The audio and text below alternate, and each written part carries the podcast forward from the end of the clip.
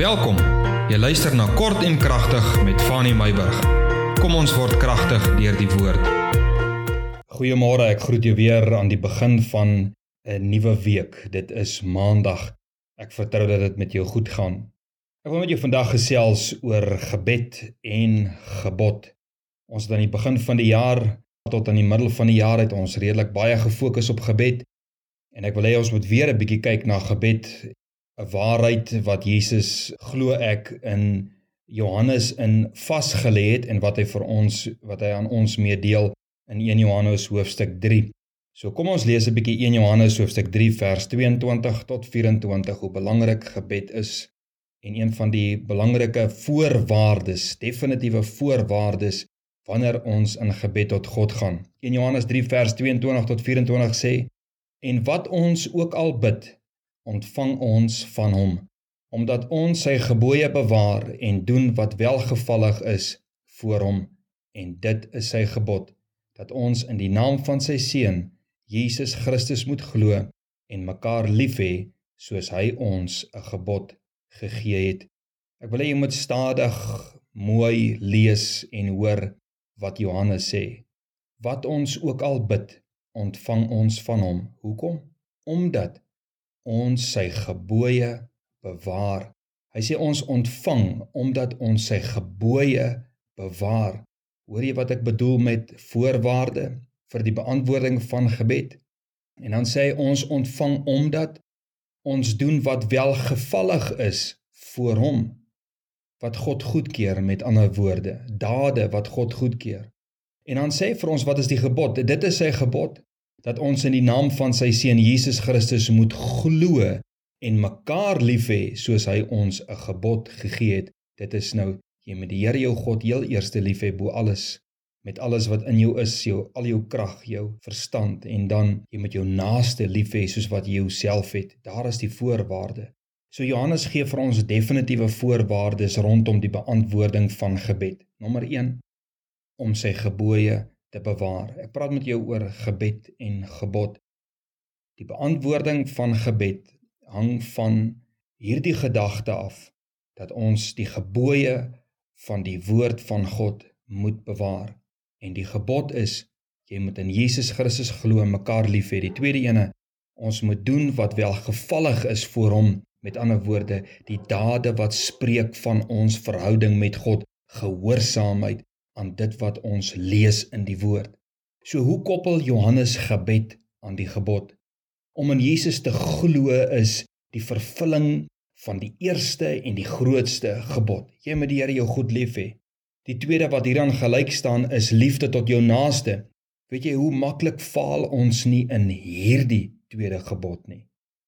Die eerste gebod kan ons onsself en ander maklik flous om te sê ek het God lief met my hele hart, my hele siel, met al my krag, met al my verstand. Ons kan maklik dit sê en onsself maklik flous daarmee en dalk ander mense ook. Maar Johannes sê, die mate van naaste liefde is die voorwaarde tot gebedsverhoring. Hierdeur maak dit vir my tog sin dat ons soveel gebede het wat onbeantwoord bly want ons faal maklik in ons naaste liefde om nie eers te praat van ons eerste liefde nie.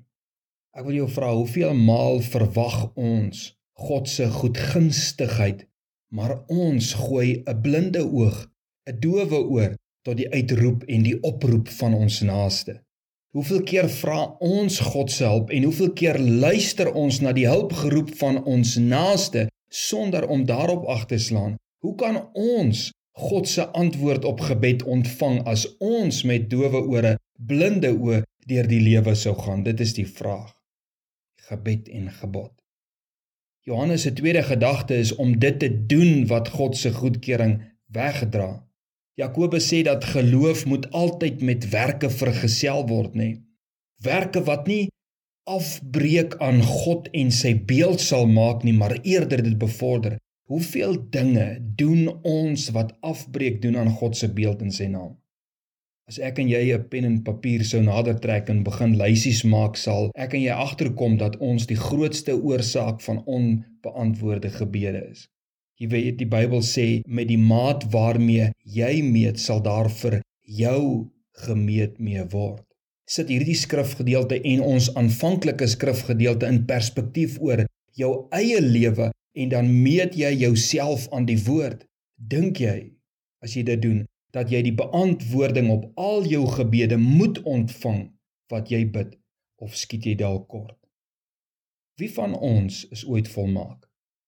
Kom ons blameer nie God dat hy onregverdig is wanneer hy nie ons gebede beantwoord nie. Maar kom ons wees dankbaar vir die onverdiende genade wat ons ontvang al betoon ons ware liefde vir God en ons medemens nie. En al doen ons dinge wat nie stryk met goddelike waardes van die woord nie.